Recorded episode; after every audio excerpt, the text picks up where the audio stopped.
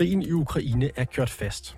Sådan lød det for nylig fra Ukraines øverstkommanderende general Salushny i et interview. Men i Kharkiv, der er landets næststørste by, blev flere bygninger forleden ramt af et droneangreb, og også ved Avdivka og Zaporizhzhia bliver der foretaget angreb fra begge sider, og flere personer har mistet livet. Så hvad er egentlig status på krigen i Ukraine? Du lytter til konfliktzonen, hvor vi i dag spørger en general, undskyld, en soldat og en militærforsker. Mit navn er Oliver Bernsen.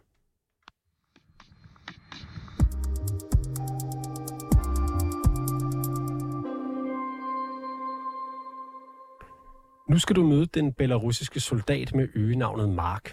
Han er en del af forsvarslinjen, der skal beskytte Ukraine mod russerne. Og i dag, hvor vi snart er to år inde i krigen, mærker han, hvor opslidende den er. Безусловно, то, что э, мы уже больше 20 месяцев воюем, э, и при этом мы практически не... For at være helt ærlig, vi er trætte. Jeg er træt.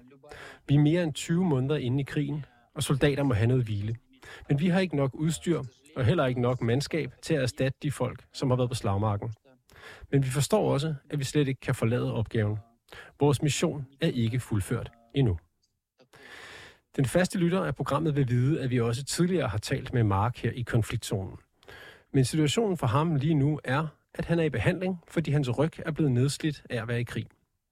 Og netop krigen har forandret karakter, siden vi talte med ham sidst, fortæller han. Во-первых, э, мы перестали э, обороняться, но и мы уже стали... Der er bestemt en stor forskel. Vi er gået fra at forsvare til at angribe. Vi har lært meget, lært at kæmpe, lært at opbygge et forsvar og lært at bruge våben. Så vi har lært meget. Men det gør det også mere simpelt at kæmpe nu. Mange professionelle russiske soldater er døde under krigen, så nu er der mange i militæret, som ingen erfaring har og ikke ved, hvordan man skal bruge udstyret. Det giver optimisme til os.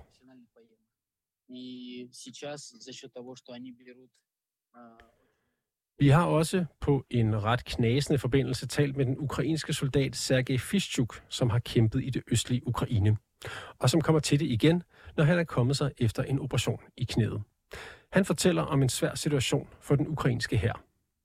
It's difficult because we haven't enough uh, uh we have enough aviation, uh, fight jet, and we haven't enough uh, long-range missiles uh, like Atacams uh, or other missiles, and it is too hard uh, because um, now uh, seeing a battlefield situation, it's like uh, World War First. Ja, Sergej Fischuk, han fortæller altså om en situation, der minder om Første Verdenskrig og skyttegravene der. Størstedelen af kampene foregår stadig i det østlige Ukraine, blandt andet i og omkring byer som Abdivka og Kupiansk, fortæller han. Is Avdiivka, um, øhm, uh, øh, Kupiansk, yes, uh, but uh, my soldiers now on uh, Serebrensk Forest and uh, Kupiansk, I think, is uh, hottest point in Ukraine. Men det er ikke kun ukrainerne, som bliver nedslidt af kampene i øst. Vi har nemlig også bedt Sergej om at vurdere russernes nuværende tilstand, som han beskriver sådan her. mostly tired, but uh, they have uh, uh, mobilization potential and uh, much more, uh, much more artillery, much more uh, drones and uh, kamikaze drones, uh, uh, and they have a lot of uh, combat vehicles uh, and other machine like tank, uh, BMP and other. Uh, th- they're strong. Ja, russerne er trætte, siger Sergej. Det er i hvert fald hans vurdering, men han siger samtidig, at de har stadig en masse materiel, en masse artilleri og en masse droner blandt andet. Og blandt andet de her selvmordsdroner, nævner han også. På det seneste så har flere analytikere påpeget, at krigen i Ukraine har ramt en form for stillstand. Den vurdering den kommer også fra den øverst kommanderende i den ukrainske hær, general Salushny, og det billede, det kan soldaten Mark genkende. Безусловно, сейчас мы м, платим своей э, кровью и потом. Situationen er svær, og vi betaler med blod. Vi betaler med vores helbred. Europa reagerede ikke, som det var nødvendigt, da krigen begyndte i 2014. og derfor sker krigen nu. Men under alle omstændigheder, så er der måske en stillstand, fordi det går frem og tilbage for både den ukrainske og den russiske hær. Ukrainerne er bedre teknisk og har nyt udstyr, men den russiske hær er meget større, så måske de kan vinde på kvantitet. Den ukrainske soldat Sergej forventer at kunne vende tilbage til krigen i løbet af et par måneder. Mark forventer dog, at han allerede om et par dage skal sættes ind i den østlige del af landet.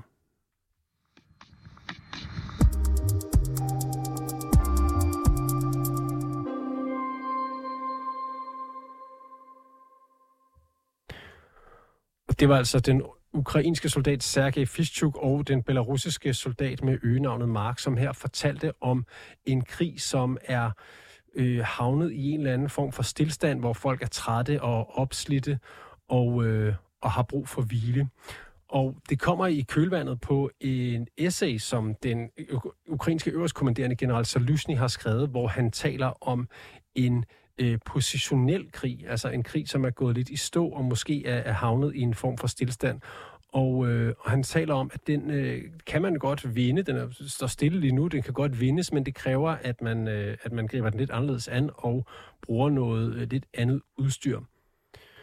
Øhm, der er jo tale om en slags moderne skyttegravskrig, hvor, øh, hvor flere har draget parallellen til, til Første Verdenskrig, altså hvor fronterne står, står rimelig stille, og det er svært at bryde igennem, og svært at, at komme sådan, at lave reelle fremskridt, øh, uden, at, øh, uden at miste enormt mange mænd og, og uden at gå i stå. Anders Puk Nielsen, du er militæranalytiker ved Forsvarsakademiet. Velkommen til programmet. Tak skal du have. Du har, øh, du har gennemgået øh, general Salusnys øh, pointer i det her essay, og øh, det her essay har også kastet et, et, et eller to interview af sig med, med magasinet The Economist. Hvad er generalens overordnede budskab?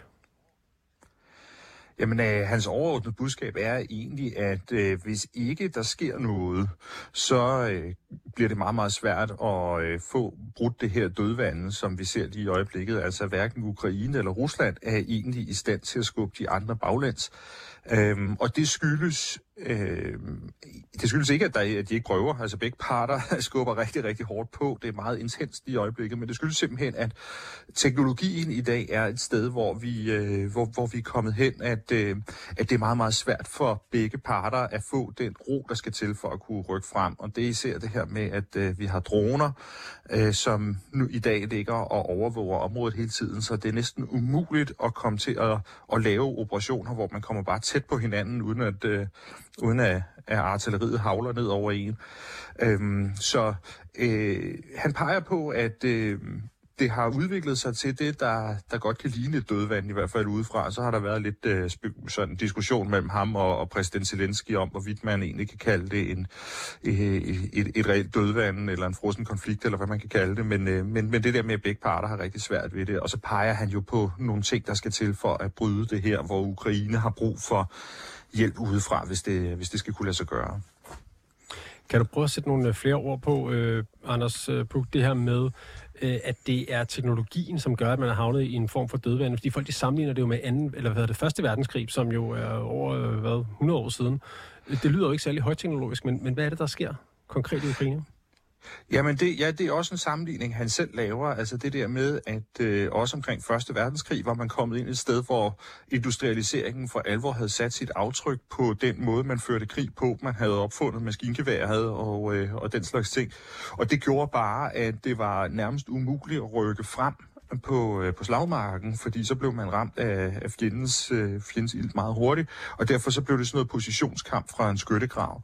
Og der siger han, at øh, de droner, som i dag ligger og øh, over hovedet på øh, både de ukrainske og de russiske soldater hele tiden, øh, de i dag faktisk har haft samme effekt. Altså at Øh, der er et bælte på en 15-20 km, hvor der er tæt mineret, altså der er øh, ligger miner, der ligger øh, forhindringer på forskellige vis, som man skal arbejde sig igennem, og så ligger dronerne simpelthen bare og sværmer over den her bufferzone, kan man sige. Og lige så snart, at man fra ukrainsk side begynder at arbejde på at prøve at fjerne nogle miner, så ved russerne det med det samme, og så begynder de at skyde på dem. Og det gør, at det nærmest er umuligt at komme igennem den her meget dybe zone med, øh, med miner, og derfor så bliver det sådan en, en, en positionskamp, som er virkelig svær at, øh, at, at, at skabe gennembrud i.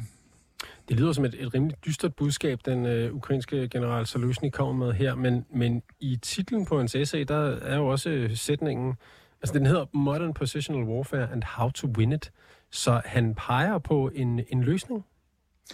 Ja, det gør han, altså, øh, og det synes jeg jo egentlig er, øh, det er jo klart, når, når Salusny, han, øh, han skriver sådan en øh, artikel, så er det ikke for at tage øh, som sådan øh, bare komme med, med nogle overvejelser om, om, om moderne krig, så er det jo fordi, at han har noget, han gerne vil opnå, og det, han, det budskab, han har, det er, prøv at høre, det her, det er det problem, vi står med, men vi har faktisk nu en idé om, hvad det er, der skal til, hvis det er, at vi skal øh, overkomme det her. Så det er sådan et, en, en opfordring til Vesten, kan man sige, om at komme, stå sammen nu og lave en langsigtet strategi, sådan, så vi kan løse det her problem.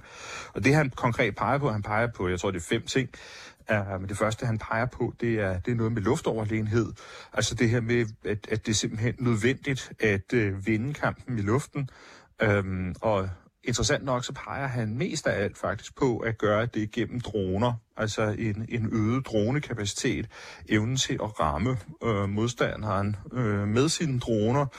Øh, så han tegner egentlig et billede af en, øh, en kampplads, hvor luftoverlegenhed mest af alt skal være noget, man opnår med ubemandet fly. Øh, og det, det, er egentlig, det, det er egentlig meget interessant, og man kan sige, at Ukraine arbejder sig jo allerede ned i den retning, men han siger, at det er meget afgørende, at de vinder det og så peger han på nogle andre ting, der sådan ligesom skal være forudsætning for det, blandt andet sådan noget med, at man også vinder kampen om, om det, man kalder elektronisk krigsførelse, altså øh, øh, det elektromagnetiske spektrum, hvor man formår at kunne jamme fjendens droner, sådan så de ikke kan operere, fjendens missiler, så de ikke kan ramme, Øh, samtidig vil man selv formår at beskytte sine egne kapaciteter, sådan så man godt selv kan bruge sine droner og bruge sine missiler og ramme præcist. Uh, så det, er, det er sådan en ting, han peger på. Uh, han peger på mere minerydningsudstyr. Altså der er simpelthen brug for mere minerydningsudstyr. Der er brug for nye løsninger på, hvordan man får ryddet miner. Altså man må sige, det er nok et område, som der ikke har været sindssygt meget sådan, teknologisk innovation i inden for, for de seneste øh, 30-40 år, så det er øh, sådan, de samme løsninger i dag, som man brugte for mange år siden, øh, og, og der kunne han godt tænke sig, at man, man også kiggede på, hvad har vi af, af nye lø, løsninger på, på det her. Øh, han taler om nye løsninger til også det, man kalder øh, sådan kontrabatteri-ild, øh, øh, ild, altså hvor man simpelthen øh, kan øh, jage fjendens artilleri ned, at man, man opdager, man har sådan nogle radarer, der kan stå og, og se, at hov, der kom et skud, og så er man lynhurtigt til at skyde tilbage, øh, sådan så man over tid får, får nedkæmpet øh, russernes øh, artillerievne.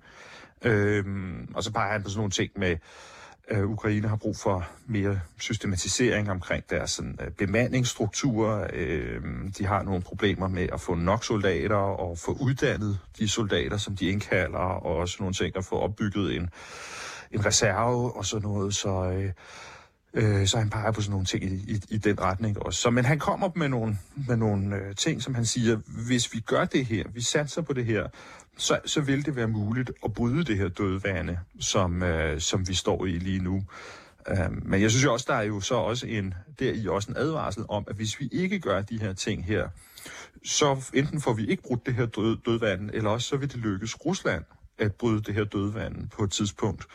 Øh, fordi det er jo sådan set også et, et af hans budskaber, at russerne jo også arbejder med, hvordan det her det skal lykkes, og, og han mener egentlig, at russerne, hvis, hvis det er den her, det her, hvad skal man sige, dødvande, hvor man bare står og slider hinanden ned langs med frontlinjen, så mener han egentlig, at russerne er bedre øh, klædt på til at kunne klare det på den lange bane.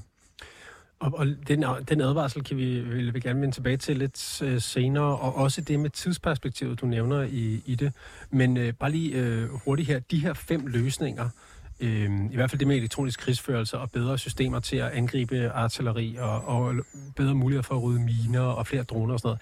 Er det noget, Vesten kan hjælpe Ukraine med? Er det noget, man kan gå ind i, øh, i Pentagon på en hylde og hive ned og så sende øh, over Atlanten? Altså, øh, øh, noget af det er jo noget, som er kendt teknologi, kan man sige, og som, øh, hvor, hvor, hvor man godt kan levere det. Der er pro- problemet så, at vi i Vesten ikke har et produktionsapparat, der er så meget op i gear.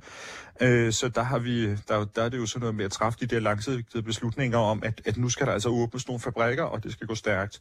Øh, det er jo sådan noget, som, hvor man kan sige, det burde Vesten nok, når man ved, hvor, hvor krigen står nu, så burde man jo nok have sat gang i alt det her for halvandet år siden, men det har man ikke gjort, fordi man, man havde nogle, nogle forventninger, måske nogle håb om, at krigen ville slutte tidligere. Altså der er noget med at få gang i, i nogle produktionslinjer, simpelthen fordi de vestlige lager er ved at være tomme, og man kan ikke bare blive ved med at tømme sine egne lager. Øh, men meget af det er også noget med at, at rent faktisk investere i innovation. Øh, investere i at finde nye løsninger på de her problemer. Løsninger, som ikke nødvendigvis findes allerede. Altså, øh, der har Ukraine igennem krigen vist, at de, her, de godt formår at arbejde på den her måde. De satte meget tidligt gang i en helt masse projekter om at udvikle øh, egne droner, for eksempel øh, en, en produktion af, af, af langtrækkende droner. Øh, det var noget, de satte i gang i, i de tidlige måneder efter den russiske invasion, og som så hen over sommeren i år lige pludselig begyndte at at give noget gevinst, hvor man altså havde fået udviklet nogle prototyper, som, øh, som så ud til at virke, og man så, så fik sat det her i, øh, i serieproduktion. Og i dag, der er det jo sådan, at Ukraine øh, i stor udstrækning faktisk øh, kan angribe russerne langt i baglandet med hjemmeproducerede droner.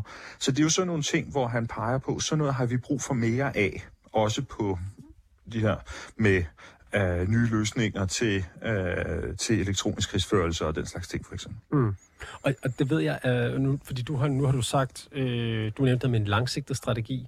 Du siger, over tid vil man kunne, øh, kunne bekæmpe russisk artilleri med de her systemer, hvis man får dem. Det ved jeg, det er også, øh, det er også noget af det, du byder mærke i i Salusnis øh, essay. Det her med tidsperspektivet. Kan du prøve at øh, sætte nogle ord på det, Anders? Ja, men altså... Øh man kan sige, øh, der var jo store forhåbninger til Ukraines sommeroffensiv, øh, at øh, den, der netop er overstået, at det skulle være det, der ligesom afgjorde krigen, eller i hvert fald sat en helt ny retning, der skulle presse russerne i øh, øh, bagud og, og tvinge Putin til forhandlingsbordet. Øh, og der må man jo sige, det har været en skuffelse. Altså, når man kigger på, hvad har Ukraine reelt opnået hen over sommeren, jamen altså, så er det ikke øh, specielt meget.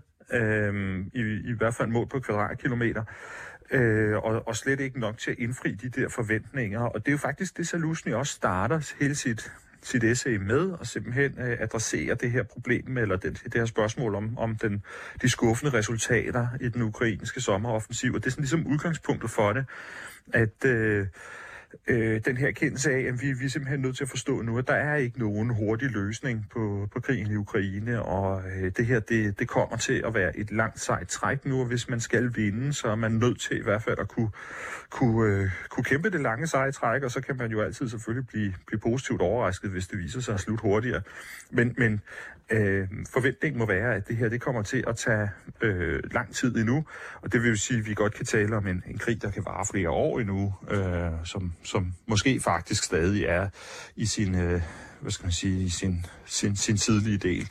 Øh, og det er jo en, en træls erkendelse, øh, men det virker som om, at Salusny også rigtig gerne vil, øh, vil ligesom have, at øh, nu er det det, vi kommer frem til at, at prøve at adressere nogle af alle de her spørgsmål om øh, europæiske og amerikanske politikere, der snakker om krigstræthed, og at øh, nu er, de, øh, øh, er det her nu også holdbart på den lange bane og sådan noget, at, at på en eller anden måde, så er det jo, det, det er jo også et, et resultat af, at øh, meget var, mange håb var knyttet op på den her sommeroffensiv, og at de ikke er blevet indfriet. Så, så det er en eller anden form for mentalitetsændring, han, øh, han prøver at forberede Vesten på, eller, eller efterspørger fra os? Ja, det, øh, det, det, det, det synes jeg, det er. Øh, det her med at sige, øh, prøv at høre, øh, og han lægger sig jo nærmest øh, fladt ned og siger, jeg, jeg, jeg blev også skuffet. Jeg havde også regnet med, at vi ville nå mere. Øh, men det viste sig, at det kunne vi ikke. øh, og det er der nu nogle årsager til. Så det kan godt være, at vi ikke nåede de store resultater med den her sommeroffensiv. Men til gengæld er vi blevet meget, meget klogere på, hvordan det er, at vi så skal løse det her problem, når vi kigger fremad. Det var ikke, øh, og han, han tager rigtig meget ansvaret på sine skuldre. øh, måske også lidt for ligesom at, at hvad skal vi sige, løfte noget af det ansvar fra, fra nogle af de vestlige generaler, som, øh, som jo nok også har været øh, med til at, at fejlvurdere lidt den øh, udfordring, Ukraine vil have med den her sommeroffensiv.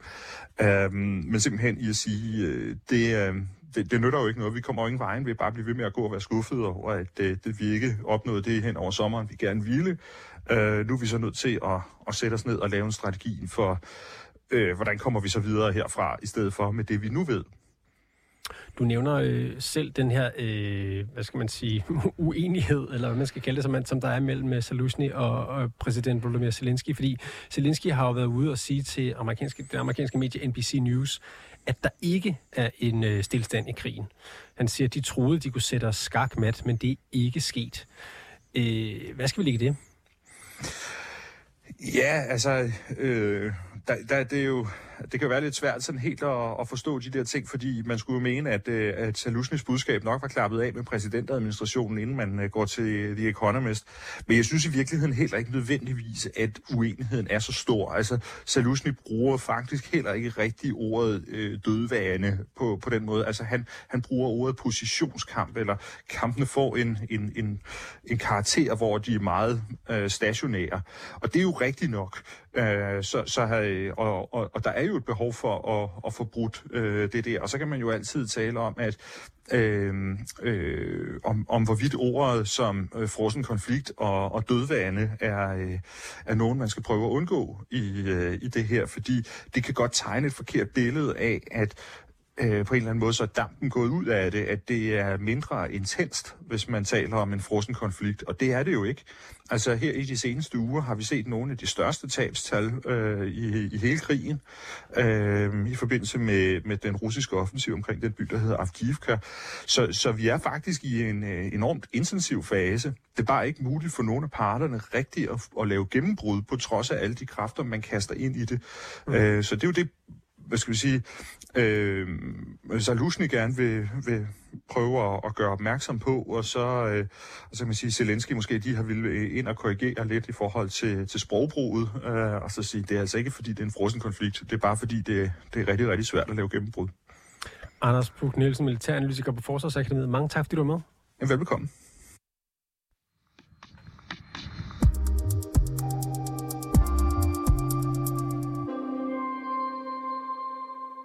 Du har lyttet til dagens afsnit af Konfliktzonen 24-7's udenrigsmagasin. Mit navn er Oliver Bernsen. Producer og redaktør i dag er Sofie Ørts. Du kan lytte til programmet direkte mandag til torsdag fra 8 til 8.30, men du kan selvfølgelig også finde det som podcast.